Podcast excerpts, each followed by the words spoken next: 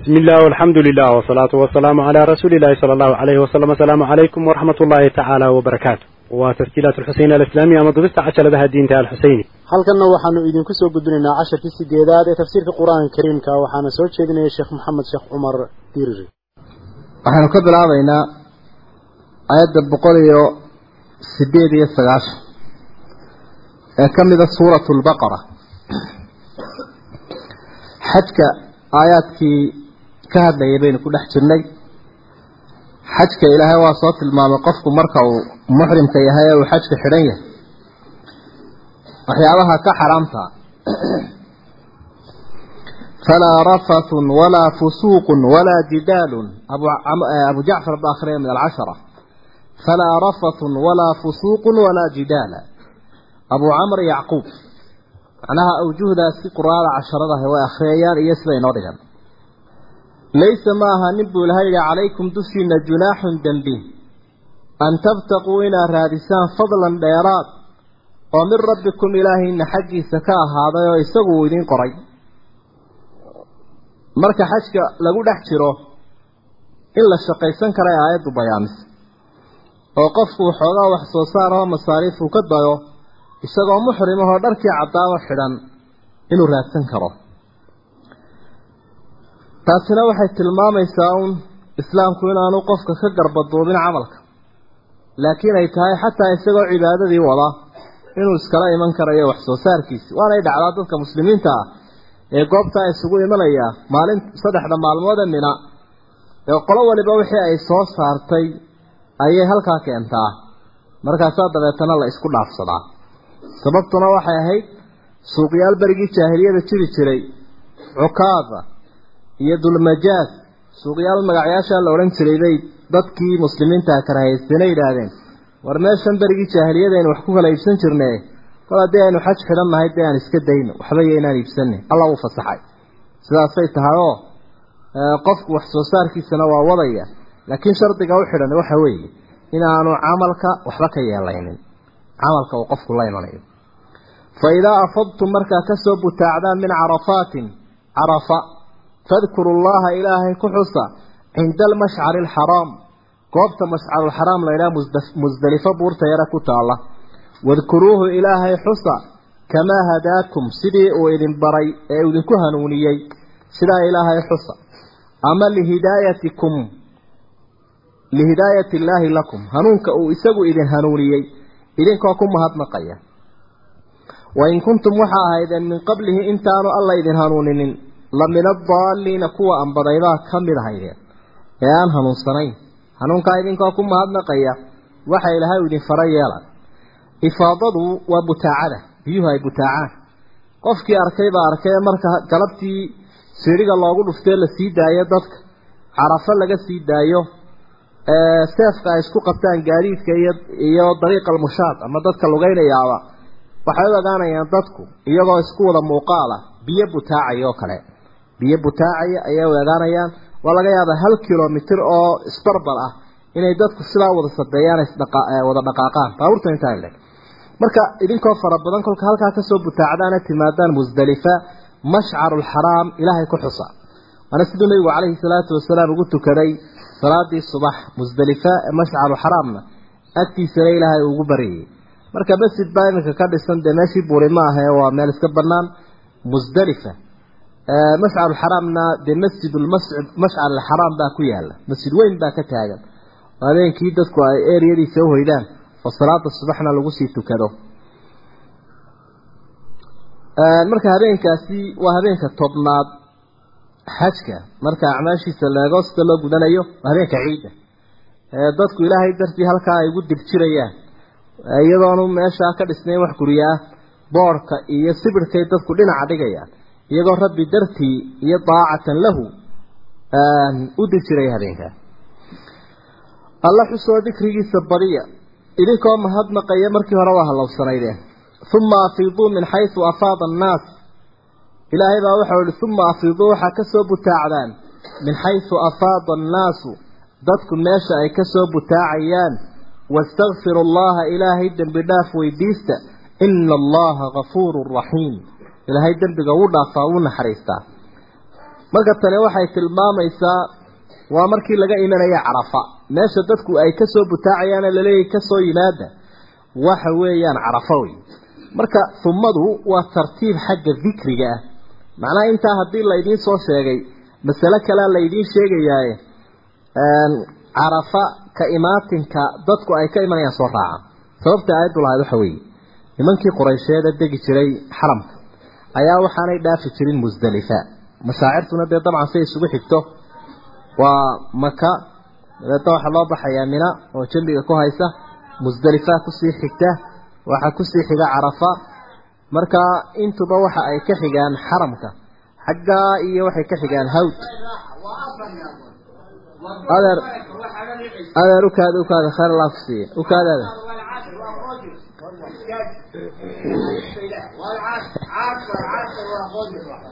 shaydaankii baa soo baxaynay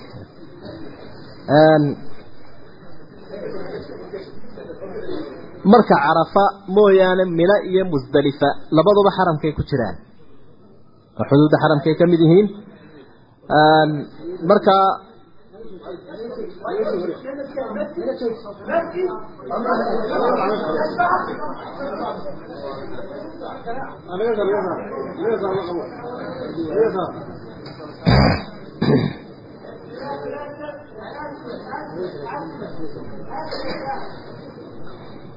marka waxay odhan jireen naxnu alxumus dad diintooda ku adag baanu nahay. Sidaa darteed ma yeelayno inaanu u gudubno carafa ee waxaanu deganaanaynaa musdalifa musdalifa dhaafi mayno. Musdalifa dhaafi mayno bay odhan jireen. Markaasaa dabeetana rabbi waxa uu amray oo uu amar ku siiyey in ay gudbaan musdalifa oo ay carafo tagaan halka ay dadku ka soo noqonayaan inay ka soo noqdaan. Taasaa amar lagu siiyey. Marka uma afiidu min xaysu afaada annaas. Halkuu dadku ka soo noqonaya carafa idinkuna ka soo noqda. Oo ha ku egaanina uun musdelifada aad taagantihin haddaa quraysh tihiin saasay tahay nabiguna calayhi salaatu wasalaam waxa uhi alxaju caraf. Alxaju caraf. Xajku waa carafo xajku waa carafo manaa qofkaan xajka carafo gaadhin dee ruknigii weynaabaa ka dhiman. Arkaantii mid kamida ayuu ka tegay markaa camalkiisuna maasixin faidaa afadtum buu ilahay yihi markaa ka soo noqot faidaa qadaytum marka aad gudataan manaasikakum camaladiina camalkiina kolka aad si fiican u dhammaystirataan fadkuru llaha ilaahay xusa ka dikrikum sida aa u xusayseen aabaa'akum aabbayaashii aw ashadda dikraa ama si kaba daran xagga xuska marka camalkiina dhammaysaan waa maalmaha mina maalmaha mina ayay isu iman jireen dadka muslimiinta ahi waa iska macruuf oo dee waa saddex maalmood ama laba maalmood oo ka dambeeya ayaa la sii fadhiyaa ciidda ka dambeeya mina la fadhiya waa ayaamu tashriiq baa laydhaha marka halkaa carabtu ay isugu yimaadaan tookh baa bilaabmi jiray. Aabbayaashood iyo qabaa'ilkooda ayaa la isugu faani jiray. Gabayadiiyo mahmaha halkaa la tirin jiray. Munaawaraad badan baa ka dhici jiray.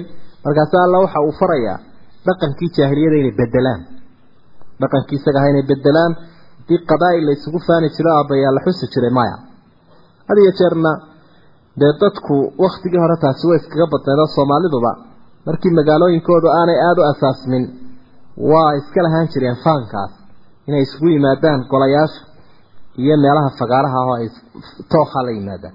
Marka ilahay waxa u leeyay fadkuru llaha ka dikrikum aabaa'akum wa ashadda dikra sida aabbayaashiin uxusi jirteen iyo si ka daranba ilaahay uxusa marka maalmahaasi waa alayaamu almacduudaat maalmaha tirsan wey ilaahay dikrigiisa la badinayo lana sahay qaadanayo camalka iyo cibaadada fa min annaasi dadkii waxaa ka mid a man yaquulu mid odhanaya rabbanaa aatinaa fi dunya ilaahayow adduunyada wax nagu sii wamaa lahu fi laakhira aakhira kuma laha min khalaaq wax nasiiba aakhira dheef ma leh saasay odhan jireen allaahuma ajcalhu caama kayfin wa khasfi ilaahw sanad barwaaqo ka yeel bashbashiyo barwaaqo ilaahay oo aabbayaashayo wixii waad u barwaaqayso waxaasaad siiso adduunkaad ilahay may bari jirin. Marka dad caynkaas sidaa jiro markay ilaahay waxa weydiisanayaan ilaahay adduunye un weydiista. Wa minhum waxaa ka mid a man yaquulu mid odhanaya rabbanaa aatina ilaahay iyagow nasii fi dunyaa xasana adduunyada wanaag nasii xasanadaasi waa diin wanaagsan oo qofkuu helo iyo dunyo iyo dad iyo dal wanaagsan intaba oo ilaahay addoonka uu siiyo ama ummadda. Waa xasana laakiin intaas waa inay yihiin qaar qofka aan aakhiro weydaarinaynin markaasay xasana noqonaya. Xasanada waxyaaba kala duduwan bay ku fasireen culimadu. Qaar baa oori wanaagsan ku fasiri qaar baa camal saalixa ku fasiri qaar baa walad saalixa ku fasiri laakiin laa maanic. Intoo dhan bay lagu fasiro. Intaasoo dhan oo khayraba ilaahay adduunka wixii wanaageenu ku weydiisanayna siya diintu horeyso. Laakhirati xasana aakhirana xasanadasi waa janna un waqinaa cadaaba annaar ilaahay ow naarta cadaabkeedana naga nabadgeli. Qolo sidaa odhanaysaana waa ka mid dadkii. Ulaa'ika kuwa sidan ku ducaysanaya lahum waxaa u sugnaaday nasiibun. Dheef bay leeyihiin mimaa kasabuu. Wixii ay shaqeeyeen sababtiisa ayay ku leeyihiin dheef weyn. Wallaahu sariicu alxisaab ilaahay xisaabtiisu way degdegaysa. Oo ilaahay addoommaha kalama habsaamo wuxuu ula diyaariya ee maalintaa cid walba wixeeda wuu dhammaystiraya u fulinaya. Ducadanina waxay ka mid tahay aayaddu ay sheegtay min jawaamici ducaa ducooyinka macnaha weyn kooraya ayay ka mid tahay اللهم إني أسألك من خير ما سألك منه نبيك محمد دعاء إيه دعاء ومن جوامع دعاء دعوينك معناها وين حنبرس اللهم إني أسألك الجنة وما قرب إليها من قول وعمل وأعوذ بك من النار وما قرب إليها من قول وعمل صدح لا يوسه الرسيان جوامع الدعاء culimadu marka ay sheegeen aayaddan iyo labada kale. Marka addoonka muminka ahi uu hanwen yahay wuxuu ogsoon yahay inuu ilaahay gacanta ku haya adduuniya aakhiraba isku yarayn maayo wuxuu ilaahay baryayo oo keliya weydiisan maayo uun adduunyada. Laakiin labadaba u weydiisanaya adduuniya aakhiraba wadkuru llaha ilaahay xusa. Aada u ammaana u caabuda. Fii ayaamin macduudaat maalmo tirsan waa maalmaha ayaamu tashriiqa la yidhaahdo ee ciidda ka dambeeya. Maalmaha in badan in mina la fadhiyo oo dabeedna aan qofku inuu magaalaysto iyo inuu iska meelaysto inuu iska dhaafo oo habeenkooda iyo maalintoodaba inuu dikriga badiyo wey ilaa xajkiisibaa soo dhammaaday. Waa maalmo kooban oon idinkuba dheeraynba oo saddexda ayaamu tashriiqa la yidhaahdo faman tacajala qofka degdega fii yowmeyni laba maalmood dhexdood ku degdega falaa isma calayhi dembi ma haysto. Waman ta'akhara kadib dhacana falaa isma calayhi dembi ma haysto isagana. Liman ittaqaa wadalik liman ittaqaa arrintaasi waxay u sugnaatay qofka ilaahay ka cabsada. Laakiin dee qofka aanan la ka cabsan dee camalkiisuba ma ansixinba. Marka had iyo jeer qofka xajkiisii uu soo dhammaado iyo camalkii uu gudanaya hadduu doono xaj iyo cumraba isku daree saddexdaa cisho laba ka mid a uu marayo waxa u bannaan inuu iska degdego mutacajil uu noqdo. Mutacajil. Marka naska sida ka muuqanaya fii yowmeyni baa ilaha uri laba maalmood gudahood. Markaa siduu nabigu calayhi salaatu wasalaam sunnihiisu ahaa ee ummadana uu tilmaamay waxa weeye intaanay qoraxdu dhicin waa in mino laga dhammaado buurta ugu dambaysa ee la tuuranayo ee xagga maka xigta waa in la tuurto intaanay qoraxdu dhammaanin ee aanay dhicin. Laakiin haddii ay qoraxdu dhacdo isagoo qofku mino jooga oo aan buurtaa dhaafin inuu habeenkaa uhoydo mina wey dabeetana maalinkii saddexaad uu tuuro. Marka labada arrimoodba way bannaan yihiin inuu qofku laba maalmood saddexdaa ku soo gaabiyo iyo inuu saddexdoodaba joogo. Labada way bannaan yihiin. Laakiin fii yowmeyni saasaa ka muuqanaysa in maalinka dhexdiisa qofku uu tago bacda sawaalka markuu tuuro. Waana maalinka dadku in badan ay isjidhaan oo qof waliba siduu leeyahay gabalku yuu kugu dhicin oo habeenka saddexaad aanad halkan u hoyanin ayay intay duhurka ku tukadaan bay dabeedna isjidhayaan iyaga oo dee malaha dad badani ay ka jaahil yihiin ilaa qoraxdu marka ay sii dhacaysay godka ku dhowaato in wakhtigeeda uu joogo wattaquu allaha waaclamuu annakum ilayhi tuxsharuun ilaahay ka cabsada waxaana ogaataan in isaga laydin soo ururin doono oo isaga laydin horkeeni doono taa ogaada marka addoonku camal wanaagsan oo saafiya waa inuu la hortago ilaahay si uu rabbi uga raali noqdo halkaasi waxaa ku dhammaaday camaladii ilaahay dartii loo gudanayay iyo axadu arkaani alislaam alkhams oo tilmaamayay si kooban isagoo u xusay nebiguna calayhi salaatu wasalaam waxa uu ku iftiimiyey sunnadiisa. Sanadii tobnaad markii uu ummadda ku horkacay xajka ayaa waxa uu lahaa khuduu canii manaasikakum khuduu canii manaasikakum. Iga qaata camalkiina oo iga eegta intuu gaadiidkiisii fuulay. Markaa ducadiisii meeshuu ku tukaday halkuu istaagay halkuu seexday dee xadiidka dheere jaabir bni cabdilaahi radia allaahu canhu ee aad ka akhrii karaysa saxeexeynka ayaa kuu soo koobay. Fiqiga had iyo jeer xajka ku saabsan oo dhan xadiidkaasaad ka raajacaysa aad ka heli karaysa halka nasku waxa uu tilmaamaya haddaba dadku inay isku dhex jiraan oo qaar ummadda dhex luuqanaya oo markaa munaafiqiinihi inay jiraan oo iyaga cibaadada iyo camalku aanu ka daacadahayn laakiin dadka uun iska dhex muusaya say doonaan ha u jeedaane waanaduna aanay anfacayn marka xaqiiqatan nifaaq baa nasku uu tilmaamaya. Wa min annaasi dadkii waxaa ka mid a baa ilahay uhi man yucjibuka qawlu mid hadalkiisa uu ku yaabgelinaya fi lxayaati dunya. Qowlkaasoo fi lxayaati dunya. Adduunyada dhexdeeda hadalku odhanayo hadalka uu ifka ku leeyahay waabad la dhiciba wayushhidu allaha ilaahayna waxa uu markhaati gelinayaa calaa maa fii qalbi.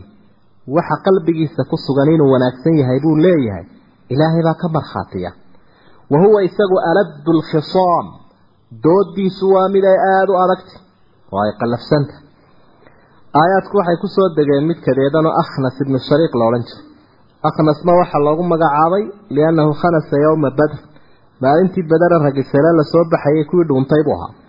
Amaba mu'aamarada ku jiray nebiga iska qariyay marka hadal wanaagsan oo macaan oo macsuul ah oo malabaysan buu soo qadimi jiray inuu dadka u soo jiheeyo dadka la jiro oo kada.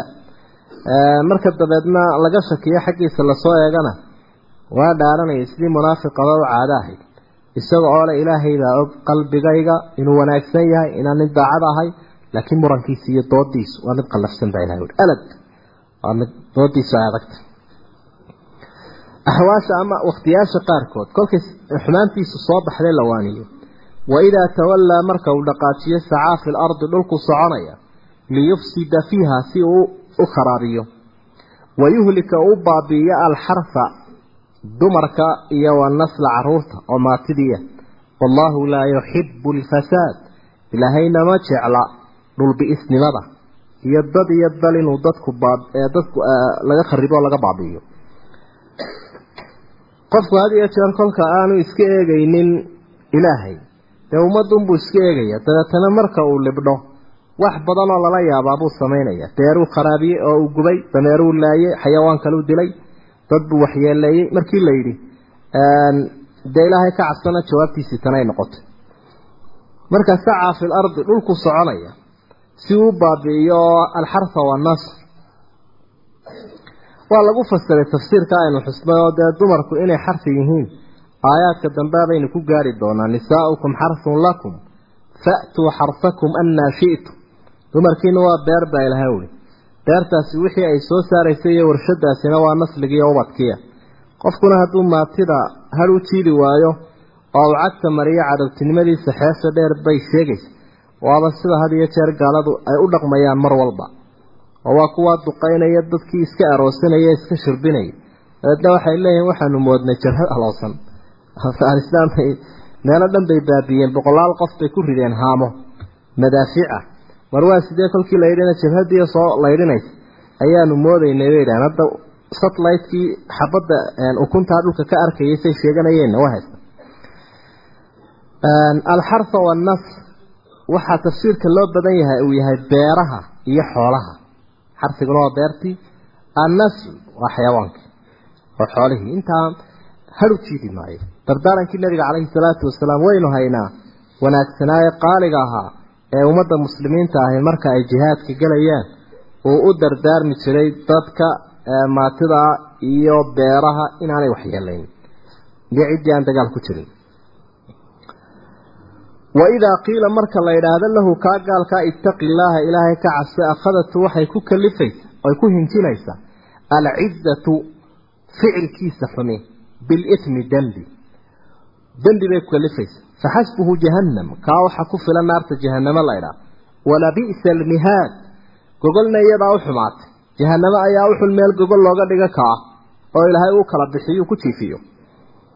Waar kadaa marka la ydhaah oo waxaanaad kharibaysa kadaa miyay sheegayaan buu leeyahay oo dabeetana waa kaa ka sii daray. Leannahu naseexada iyo waanada iyo alla kacabsiga oo lagu waaniyo qofka intaba wax anfacan qof iimaan leh. Ka kale wuu ka sii daraya. Alciza marka ciisada waa waxaynu u naqaano inagu ficil waxaa ficil baa igu kalifay.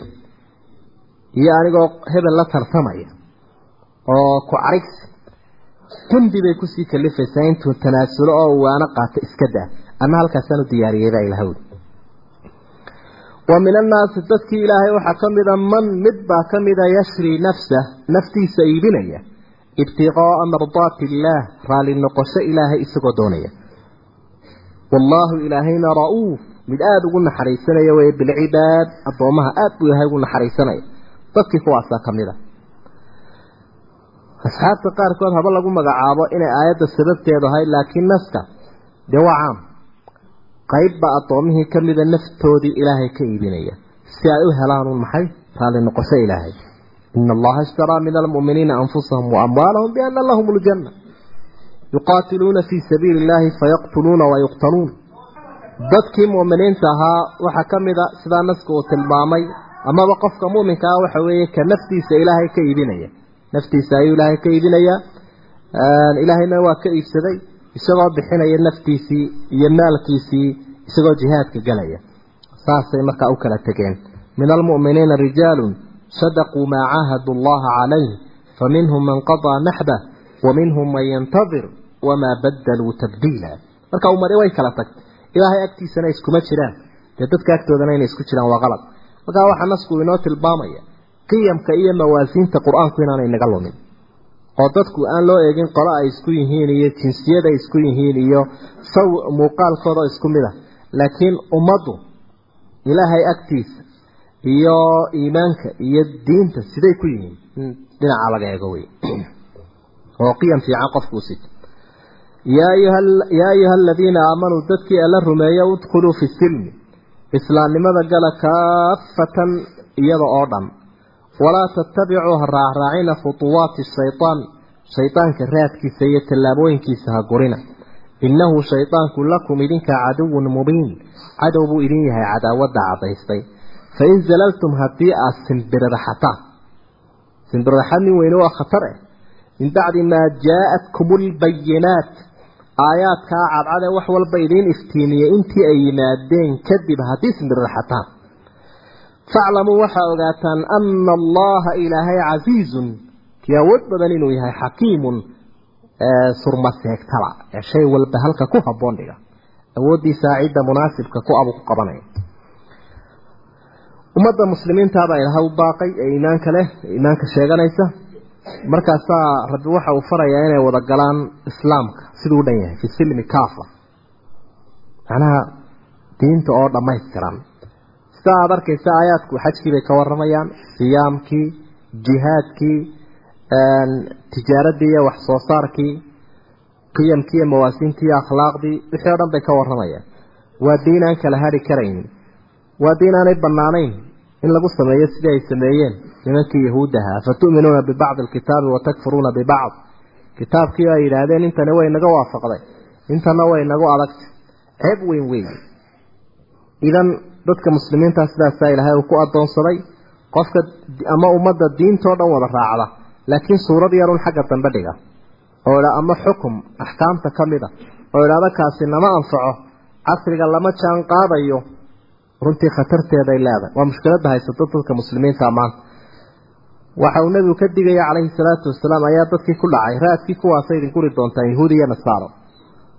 Waa taa la kala saaree dumarkii wax lagu diintii in la yidhaha dumarkuunbaa lagu meerinaya nabarada lagu xaqaya waxbaa lagu dhexlayaa barnaamijkii siyaasiga ahaa iyo xeer ciqaabeedkiiyana haddii laba soo qaadaba laba soo qaado in afka gacanta la saaro la yidhaahda iyayna maqlin galbeedkiiyo cagta ha loo dhigo.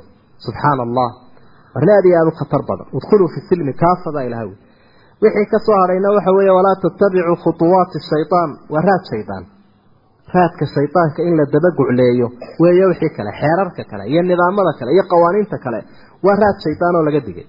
Waxaa saddexaad oo digniinta ilaahay u raaciyey inay simbirraxan noqonayso waxyigoo laga baydha fain zalaltum min bacdi maa jaa-atkum albayinaat bayinaat baa la ilaahay xaggiisa ka yimi ilaahay ummadan yaqaane abuuray. Haddaad simbirraxataan baa ilahay dadku u yeedhayaa waa inaga cidduu ilaahay la hadlaya iyo inaan isu dhaafinin dar hore iyo asxaabtii iyo reer maka toona.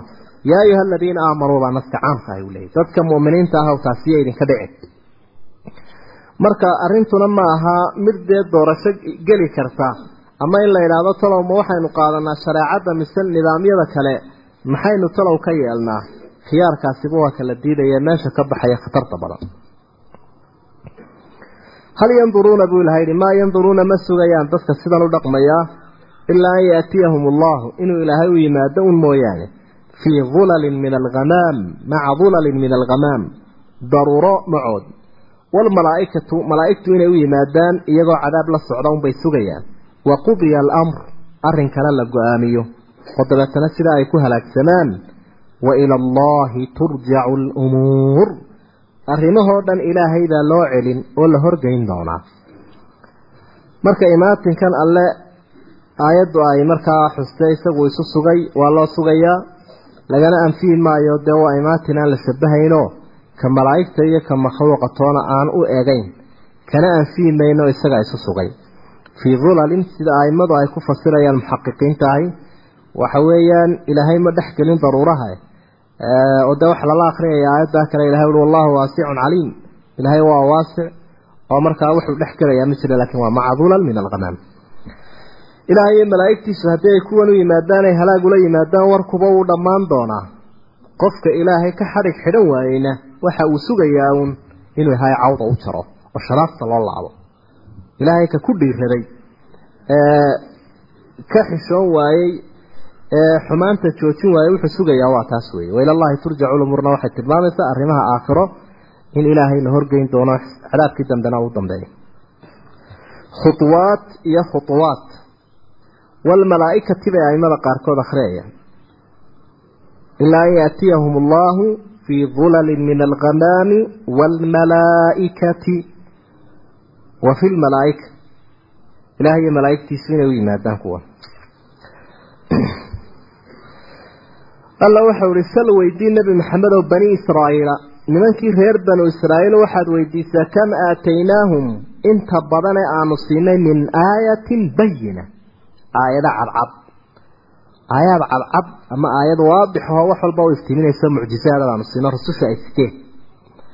Iyo kuwo loo soo dejiyo kitaabkoodii ku sugnaada.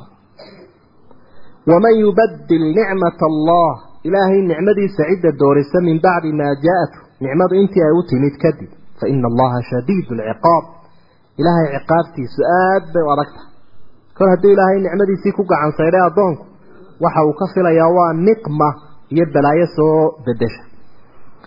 Halkanna aayaadkan soo socda waxa ayna barayaan taariikhdii rusushii iyo ummadihii hore iyo kutubtii hore. Waa deris taariikhi aynu qaadanayno oo aayaadka iyo cibrooyinka la qaato ayaa dhinacyo kala duwan leh. Kuwan qur'aankay leeyihiin kuwa kownkay leeyihiin kuwa taariikhday leeyihiin. Marka ummadii reer banu israa'iil bal iyagana ka warayso maxaa mucjiso la siiyey? Maxaa aayad la siiyey? Maxay nicmo ahaayeen? Nicmadanna waa tii diinta iyo daliilka weeye. Alam tara ila aladiina badaluu nicmat allahi kufran waxalluu qowmahum daara albawaar jahannama yaslawnaha wabi'sa alqaraar nicmadii ilaahay kuwa gaalnimo ku bedelay bal ka war waa arrin dhibaato aada u weyn weye manhajkii ilaahay dadku inay kufri iyo xumaan kale ku bedeshaan khatar badan wey zuyina waxaa loo qurxiyey baa ilaha uhi liladiina kafaruu kuwii gaaloobay waxaa loo qurxiyey alxayaatu dunyaa noloshan adduunyadunbaa loo qurxiyey. Wayaskharuuna waxaanay ku jeesjeesayaan min aladiina aamanuu dadkii alla rumeeyey bay ku dheeldheelayaan labadaasay isku dareen.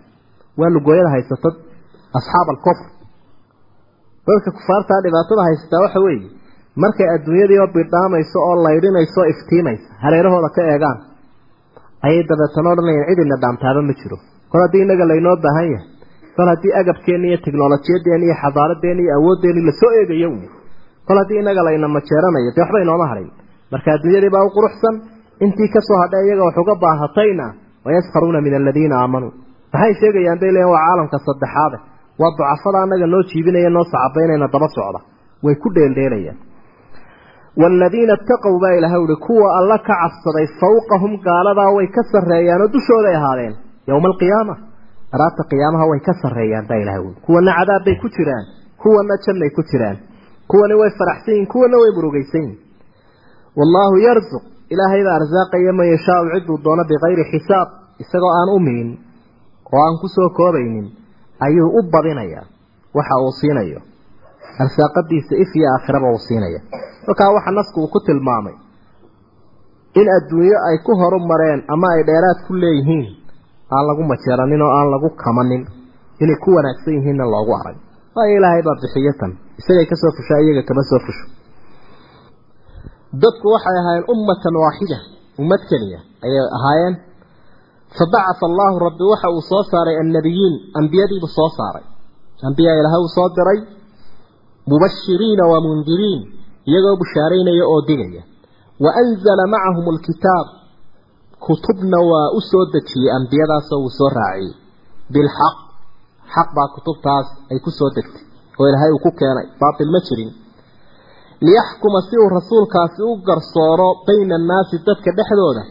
fii ma ikhtalafuu fiih. Waxa ay isku diideen ama ay isla garan waayeen. Si ugu garsooro oo sida cadaaladda ah kitaabkaasi sugayo oo isagu ummadda ugu bayaamiyo. Wama ikhtalafa fiihi.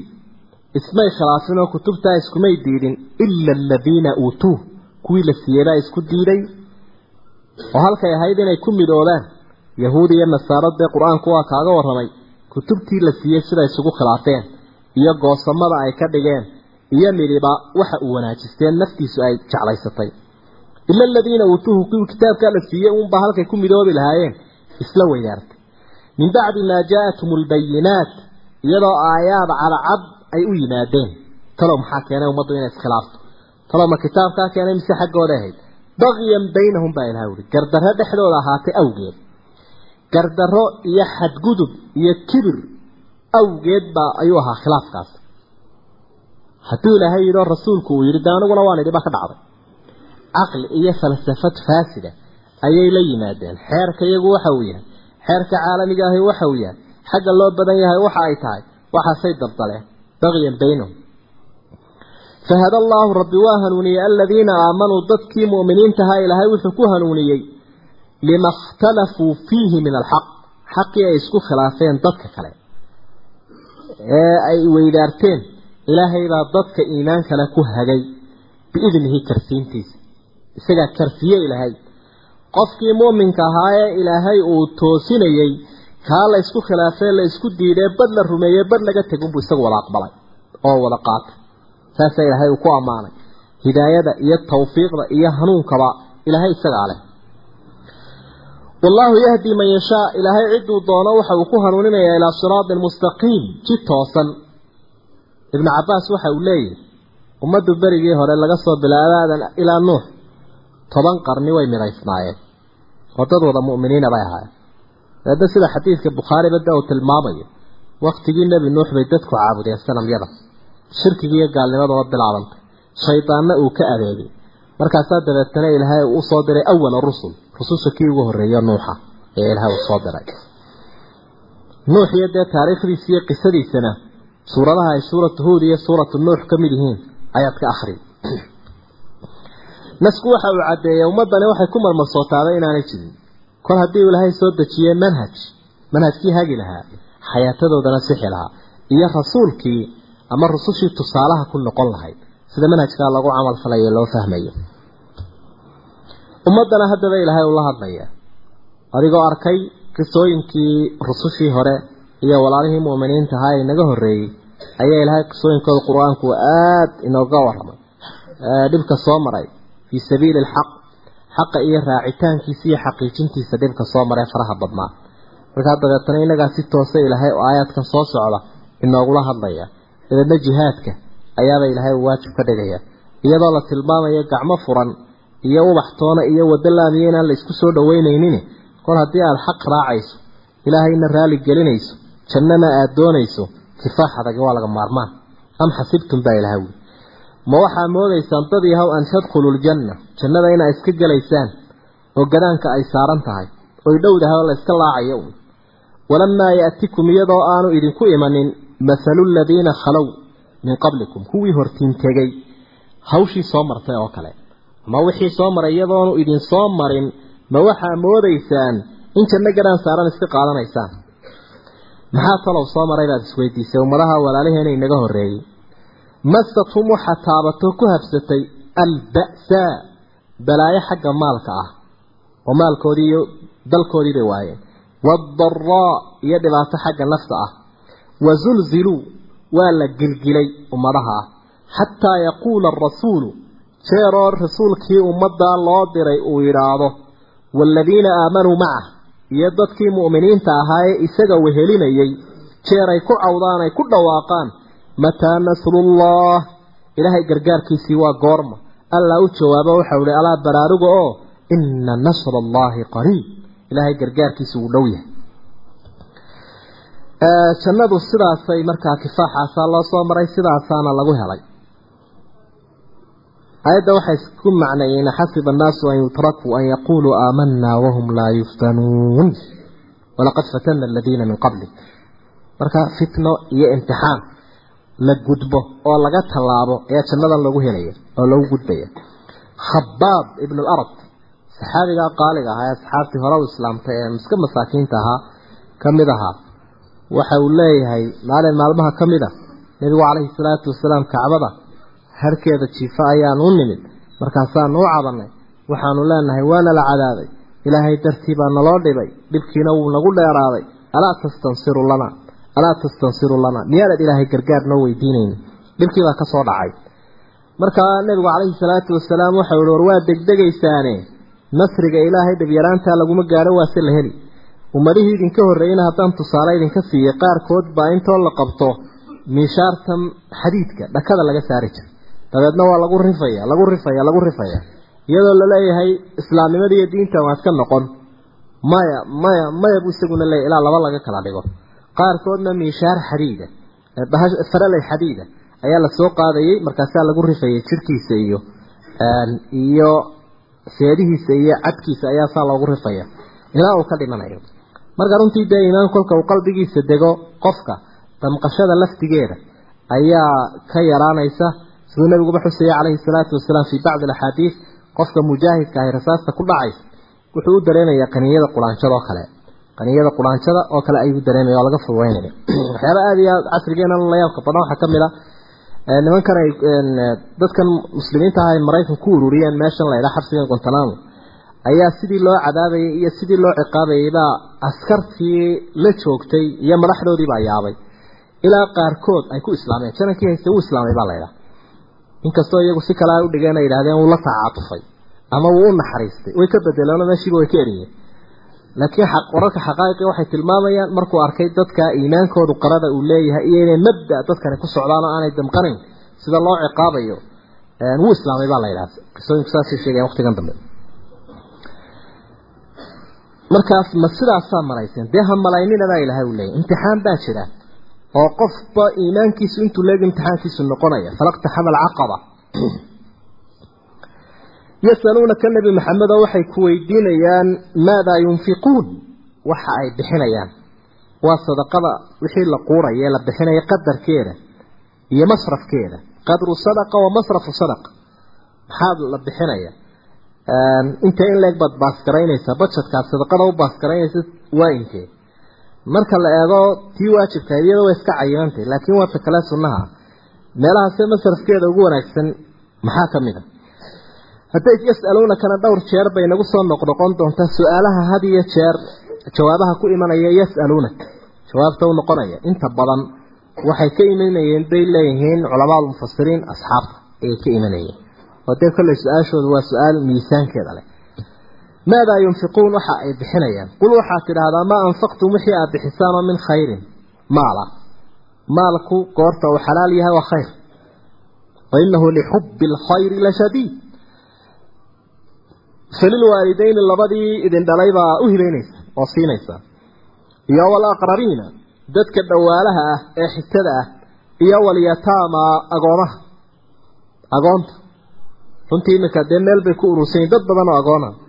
oo aan aabba lahayn inkastoo laga yaabo dee qaar aabbal oo iska aan aabood waxba hayna lagu dhex daro. Meeshan xarcaydha ha laga warhayo. Oo dadkaa diintooda iyo islaamnimadooda iyo tarbiyadooda ha loo dhiso sidaynu maaragtay ubadkeennaba u dhisayno. Waa inaanay noqonin dad mujtamaca ha dhowto cuqdad ka qaada. Huwa kallun calaa mawlaahu aynamaa yuwajihu laa yaati bikhayr.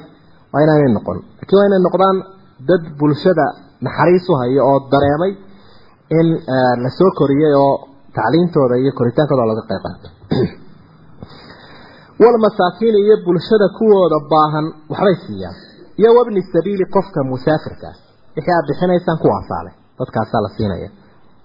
Waa waalidkii waa dhowaalihii waa agoontii waa masaakiintii waa musaafirkii. Waa meelihii runtii u baahnaa waxtarka oo dhan. Meelahaasaa lagu bixinaya wixii haysaan wamaa tafcalu min khayrin wax alla wixii wanaagahee samaysaan buu ilahay yidhi fa ina allaha bihi caliim ilaahay wuu ogsoon yahay. Allaa kuu ogsoon haddii lagu dhaa maxaad u malaysa haddii qof ay isku wanaagsan tihiin ama qof madaxaba lagu idhaahdo wuu kaa warhayaa. Warkaaga waa lala socdaa arrinkaaga waa macruuf weeye qofkaasi uu hoosbuu ka xariiqanaya uu tirsanaya arrinkaas.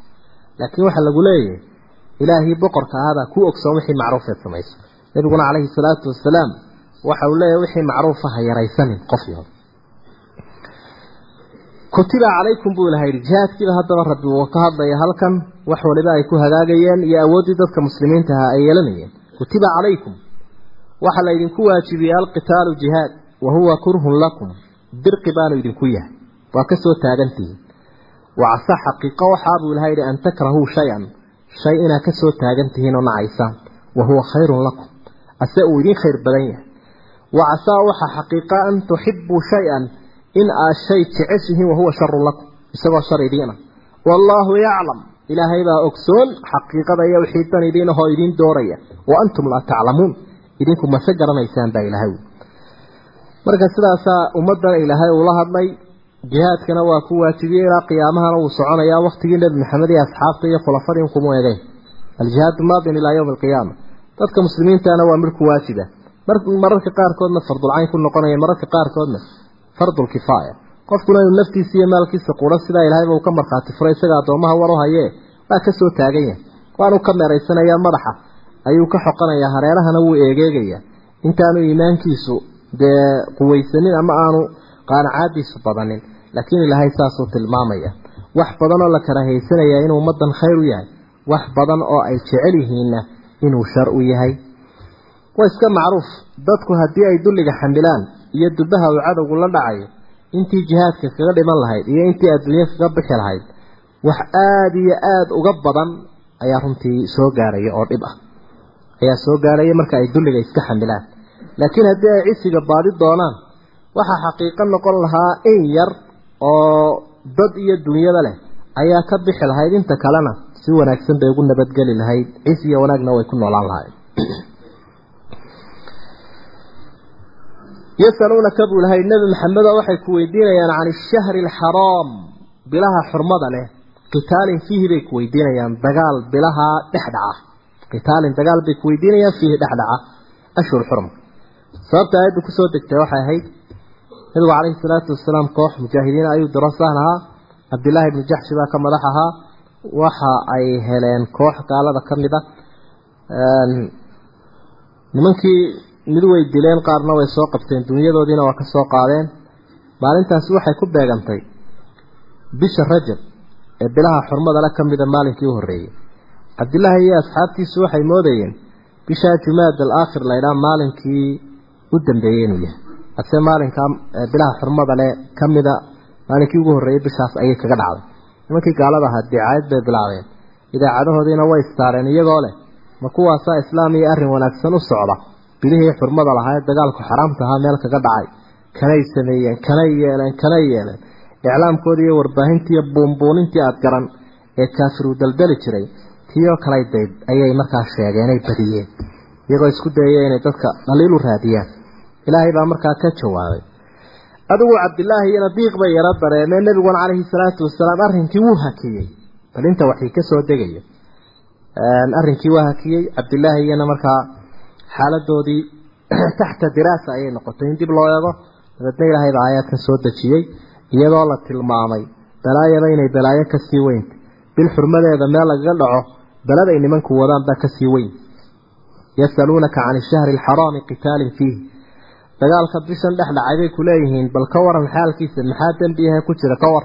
Qul waxaad tidhaha nebi maxamedow qitaalun fiihi kabiir dagaal bilaha xurmada le dhexdooda la galaa waa weyn yahay laydin qirbataa wasaddun can sabiili illaah laakiin jidkii xaqa ahaa oo la hor joogsado dadka laga dhababo diinta ilaahay in la galo dadku uu hanuuno laga hor joogsado wa kufrun bihi iyo ilaahay oo laga gaaloobo waalmasjid alxaraam wasaddun cani almasjid alxaraam iyo baytullaahi alxaraamkii oo dadkii ku cumraysan lahaa ee ku xaji lahaa ee degi lahaa ehelkiisa ha laga hor joogsado wa ikhraaju ahlihi minhu. Iyo ehelkiisii oo laga saaro xaramka. Ila ehelkiisu waa dadka muuminiinta ahe. Intaasoo balaayo oo isku qoofalan ayaa akbaru cinda allah ilaahay agtiisa ka sii weyn maxay? Bil xurmaloo dhexdeeda la dagaalamo. Sidaasaa yuwaasan bayna almasaalixi waalmafaasid saasaa la isu barbar dhigayaa siyaasadda shareecadda. Maxaa mafsadaa maxaase maslaxaa maxaa dhibase maxaa dheefa saasaa la isu barbar dhigaya marka korka ay mafaasidi joogto wax maslaxa al xaq dhowri maayo. Oo maslaxa ayay tahay bishan oo la dhowro oo xurmadeeda la siiyo. Laakiin intaasoo mafaasid iyo balaayo ah ayaa timid. Idan markaa xurmadeedii waa la jebinayaa kuwana hilifaa loo qaadaya gaaladaas waxaa markaa rabbi uu xusay jidkii ilaahay baa la hor joogsaday ilaahay laga gaaloobay baytullaahi alxaraamkii baa dadkii loo diiday ehelkiisii baa laga qixiyey maxaa markaa ashhurul xurum dee xurmadeedii intaasoo dhan kol haddii la jebiyey intaasaa ka sii awleysan baa markaa nasku uu tilmaamaya.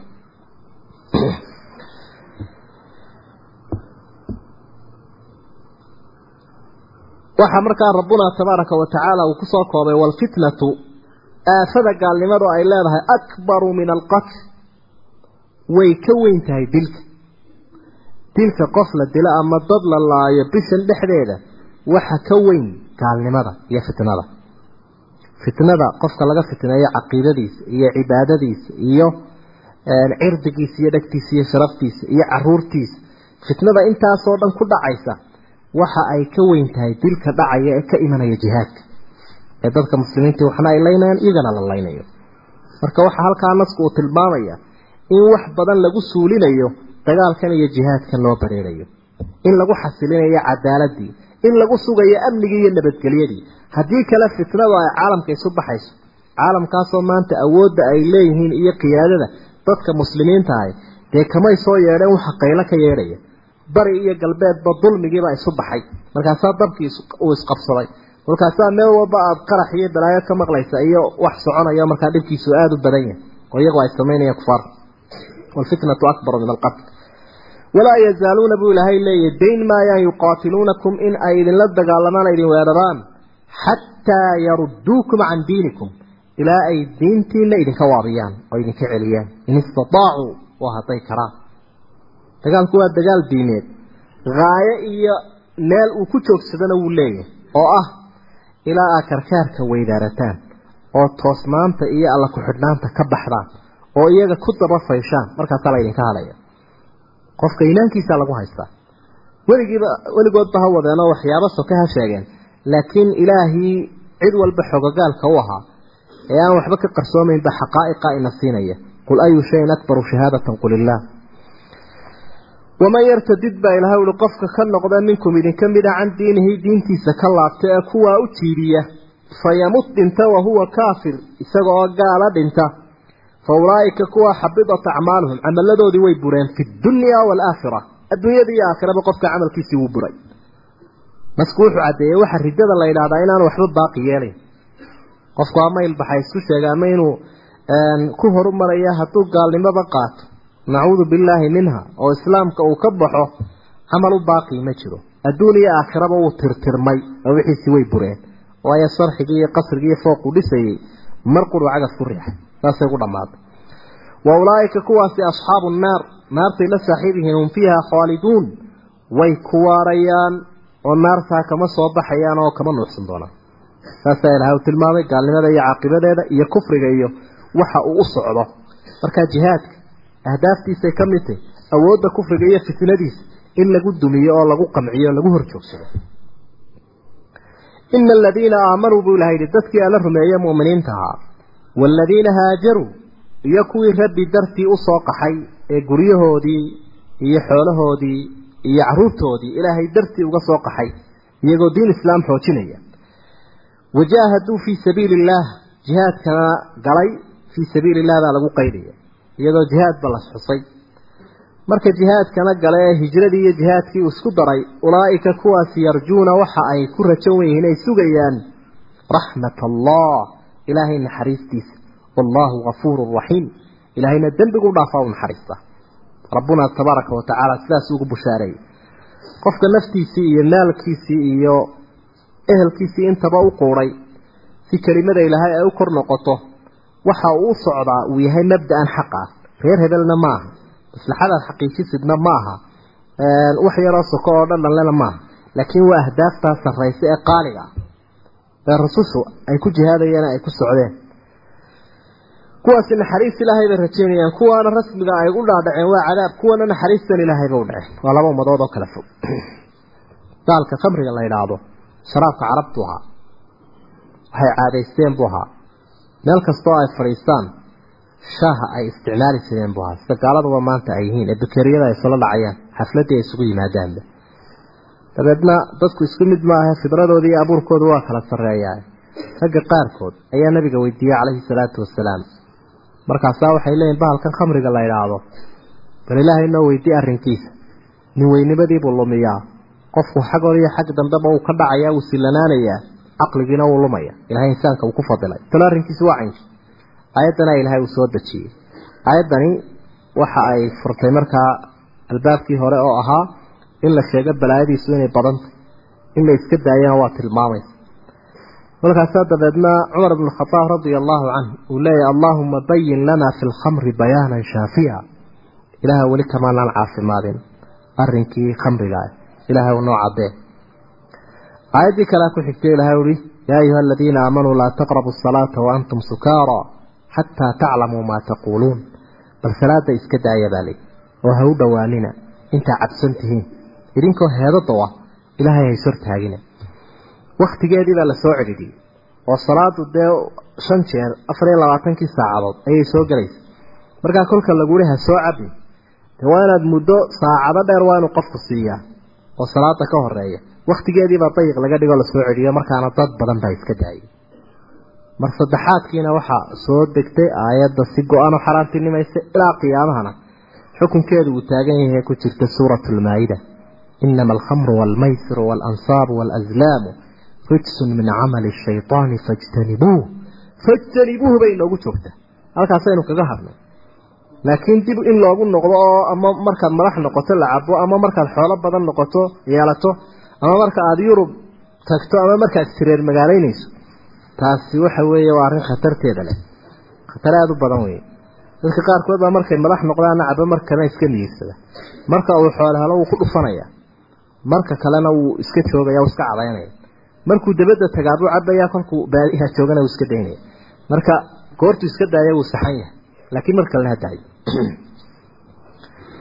yasaluunaka waxay ku weydiinayaan can ilkhamr kolkii dabeedna aayaddaasi ay soo degtay suuratu lmaa-ida ogeysiis baa la bixiyey oo warbaahintii saasuu nabigu madiine ku gaarsiiyey calayhi salaatu wasalaam waxa aan horena loo arag dibna loo arkayn habkii asxaabtu ay uga hadheen iyo ummaddu waktigaa siduu tilmaamayo radia allahu canhu jalxadiibaa la soo wada guray. Bahalku uu ku jira lagu qaboojisanayay dabeetana sikaka almadiina ayaa lagu daadiyey. Madiine suuqi wadooyinkeedii halkaasuu qulqulay oo uu butaacay. Uu butaacay isagoo fara badan maca karaahiyada ay u qabeen jalxadda laftigeedii laga soo reebin ee lagu jiriyey maantana runta marka lagu tago mushkiladaha ina haysta wey mushkiladaha ina haysta khamrigii la soo waariday etoobiya waxa kaliya ogosha waa in khamriguna yimaado jaadkuna yimaado. Laakiin wax kale maayo. Khamriga iyo jaadka dee waa ummadana lagu sakraaminaya marka saas isu dabahayaa cidi joojin kari weyday booliskiibaa ku xiiqay tolo maxaa daba taagan? Tolo halku haystaa ka soo dhoofinaya soo waariday.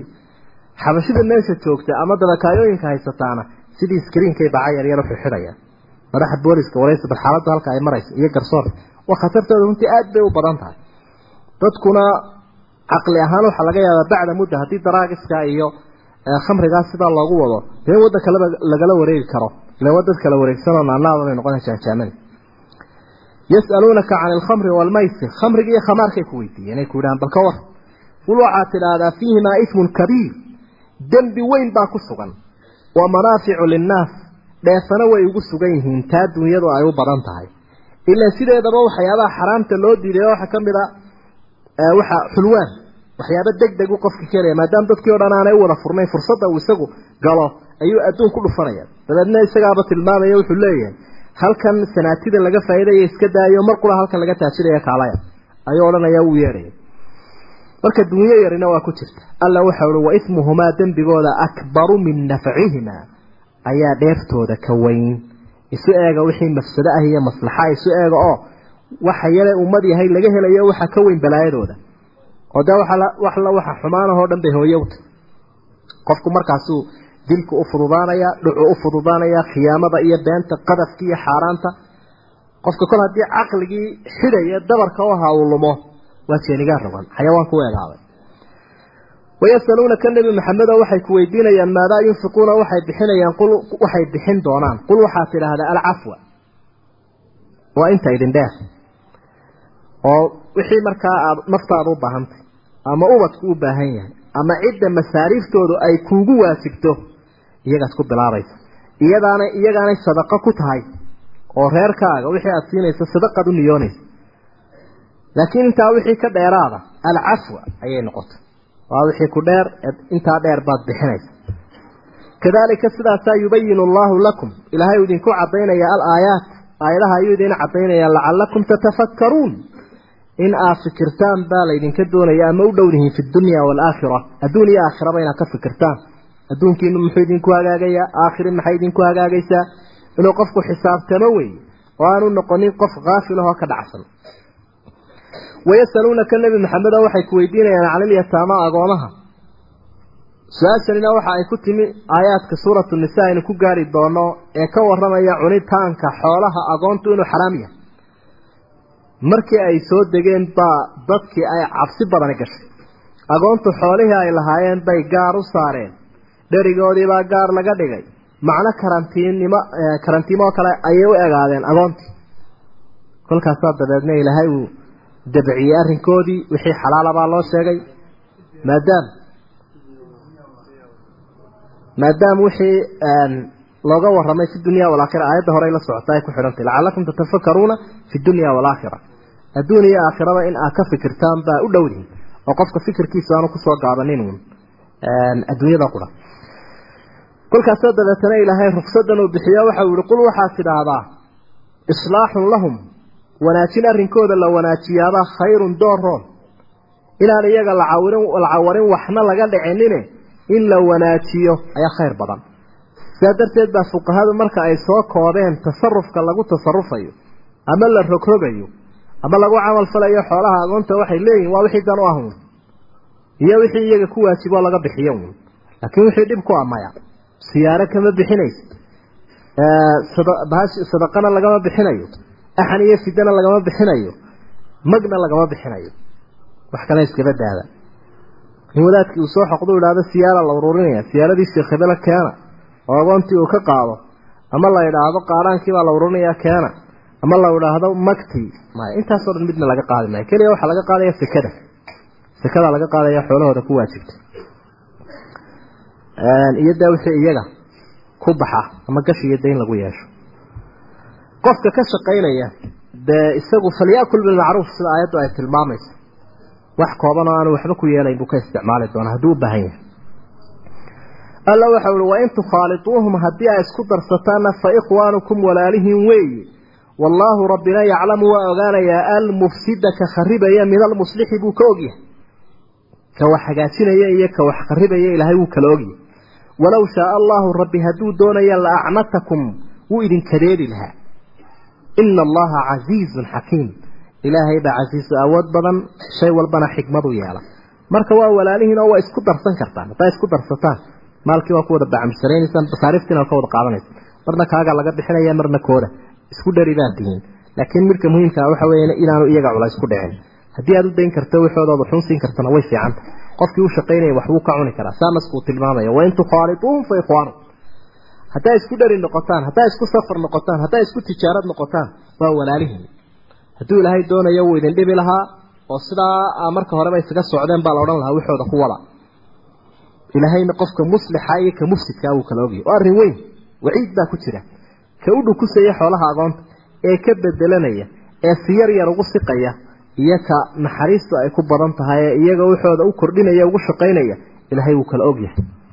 Marka halkaa waxaa ka bilaabmaya zawaajkii iyo guurkii iyo talaaqii iyo axkaamtii ku saabsanayd ayaa halkaa ka bilaabmaysa. Allahu aclam